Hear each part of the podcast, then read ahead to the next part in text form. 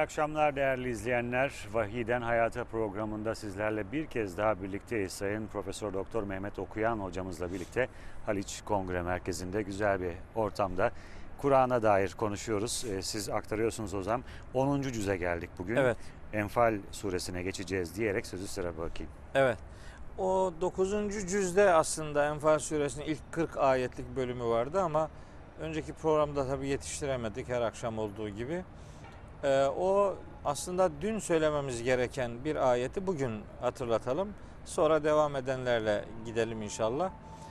Bu Enfal suresinin 24. ayetiyle 29. ayetlerini çok önemsiyorum. Diğerlerini de önemsiyorum şüphesiz. Şimdi buradan kardeşlerime rica edeyim. Enfal suresinin 2, 3 ve 4. ayetlerini bir okusunlar. Enfal suresi ganimetler anlamına geliyor. Savaşlardan elde edilecek ganimetlerden söz ettiği için bir birkaç ayetinde sure adını oradan alıyor. Fakat 75 ayetlik bir suredir. Bu ayet bu ayetlerin hepsinde böyle ganimetten filan söz edilmez. Başka konular da var. İşte o konulardan biri gerçek müminlerin özelliklerini anlatır Allahu Teala. 2 3 4 5. ayetlerde 2 3 4. ayetlerde 3 ayet bunu okusunlar.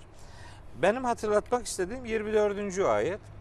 Orada çok enteresan bir şey söylüyor Allahu Teala. Buyuruyor ki: Ya eyyühellezine amenu ey iman edenler istecibu lillahi ve lirrasuli İza da'akum lima yuhyikum Allah'a ve peygamberinin davetine icabet edin.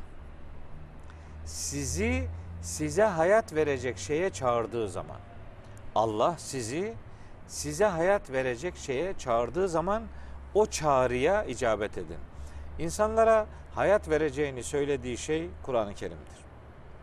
Çünkü Kur'an'ın bir adı da ruhtur. Bir beden için ruhun anlamı neyse hayat için Kur'an'ın anlamı da odur. Dolayısıyla Kur'an hayat veren kitaptır. Sırf bunun içindir ki Yasin suresinin 70. ayetinde Kur'an'ın indiriliş gayesi şöyle beyan edilir. Liyunzira men kana hayyen. Hayatta olanları uyarsın diye. Hayatta olanlar uyarılacak, hayatta kalmak isteyenler yani ruhları dinç, diri olmak isteyenler için Kur'an bir, bir uyarıcı kitaptır. Bakmayın siz bugün Kur'an'ı ölü kitabı haline getirdiler. Mezarlıkta okunan kitap haline getirdiler.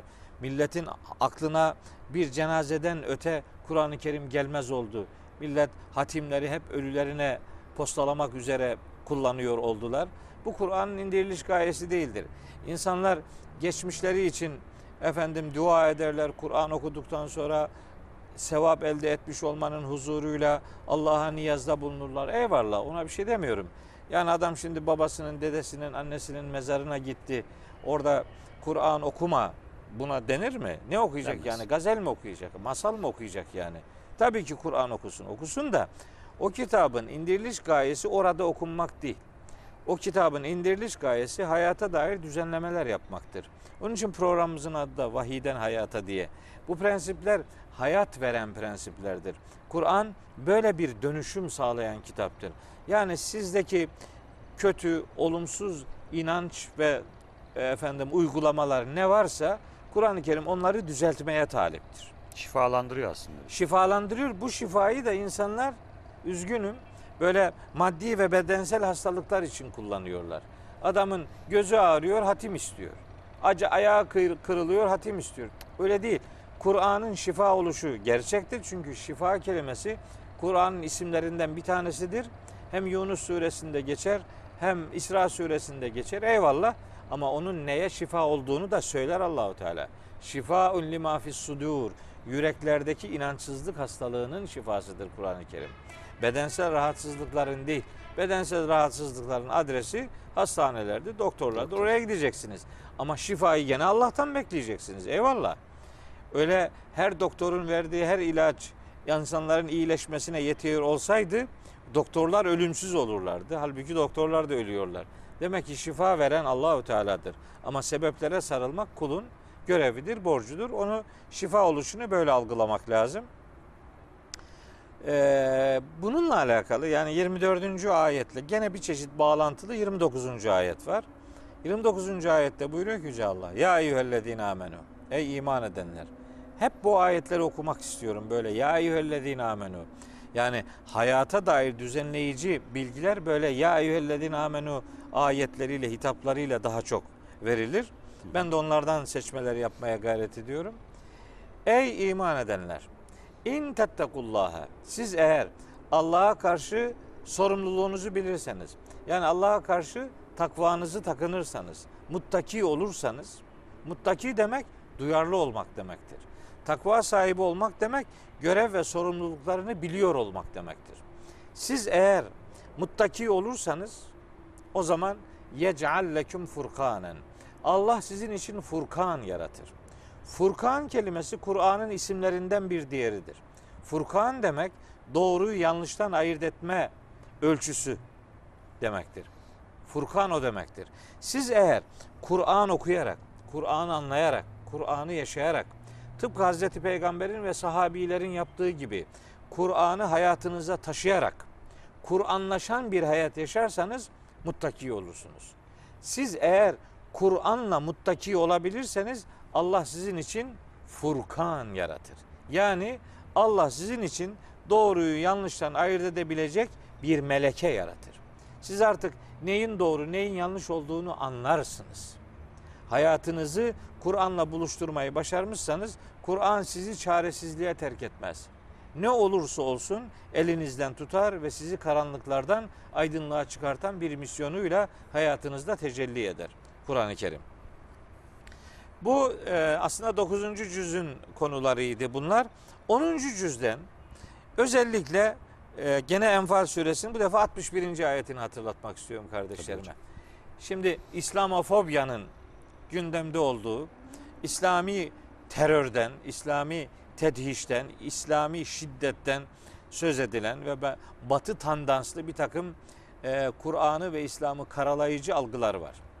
Kur'an bu dinin adına İslam demiştir. İslam barış demektir.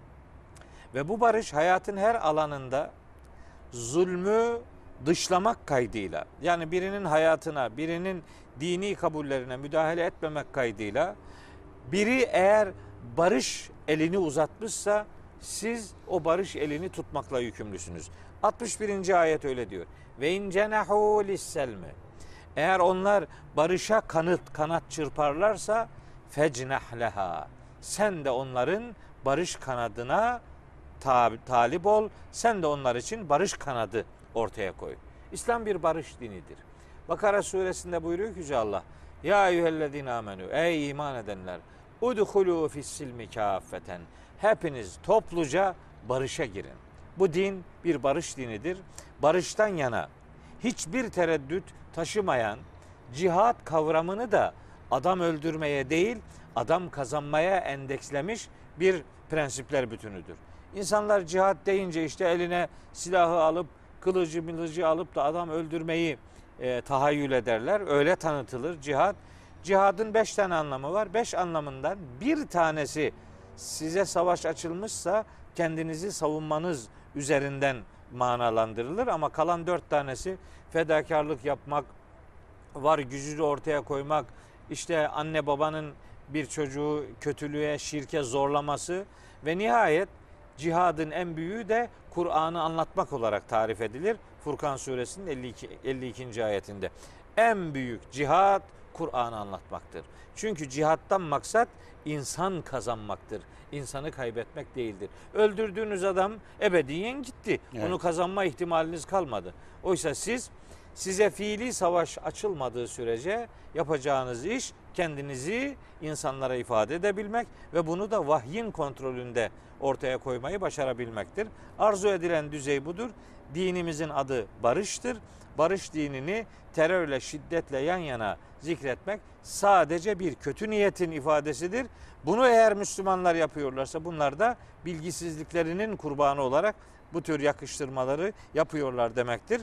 Enfal suresinin 261. ayeti gayet açıktır. Başka türlü yorumlanamayacak derecede açık bir ayeti kerimedir. Kaç dakikamız var? 5 dakikamız var. 5 dakikamız varsa iki ayet daha bu defa Tevbe suresinden aktarayım. Çünkü 10. program 10. cüz neticede Tevbe suresini de konuşmamızı gerektiriyor. Bunlardan bir tanesi okuyacaklarımdan bir tanesi 24. ayet olsun. Tevbe suresi 24. Tevbe suresi 24. ayet bir Müslümana sen şimdi kendine dön bak. Gerçekten inandığını söylediğin değerlere karşı sadık mısın değil misin? Bunu böyle bir turnusol gibi ortaya koyar. Bakın ne diyor Allahu Teala. Tevbe suresi 24. ayet.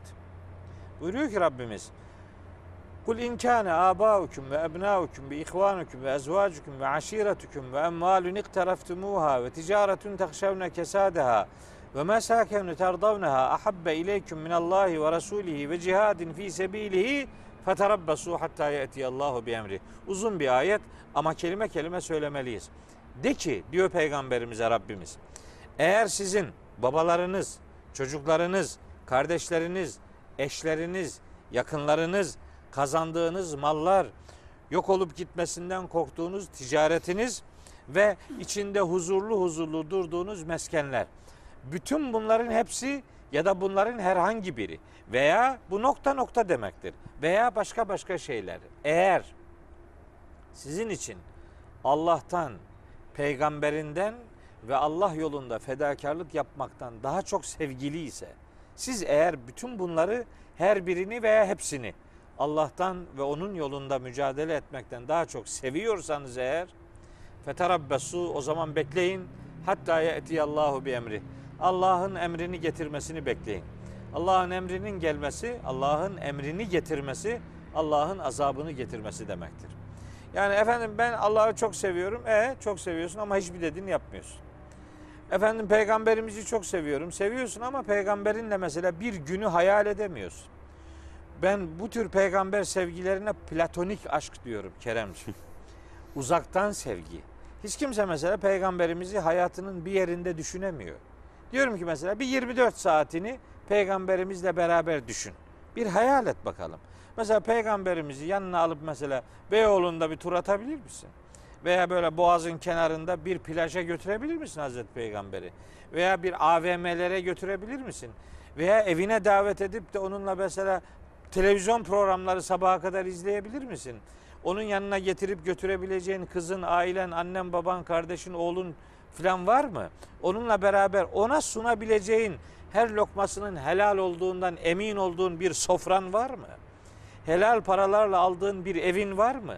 Nasıl bir peygamber sevgisi bu? Peygamberimi çok seviyorum ama semtime uğramaz. Nerede sevelim? Böyle 1400 sene öncesinde kalsın. Biz de onu çok seviyor olalım. Bunun adına çok samimi bir sevgi demezler. Peygamber sevgisi hayatı becerebiliyorsan onun onunla paylaşmaya dayalı bir sevgidir. Müslümanın böyle bir sevgi ortaya koyması lazım. Öyle diyor Allahu Teala.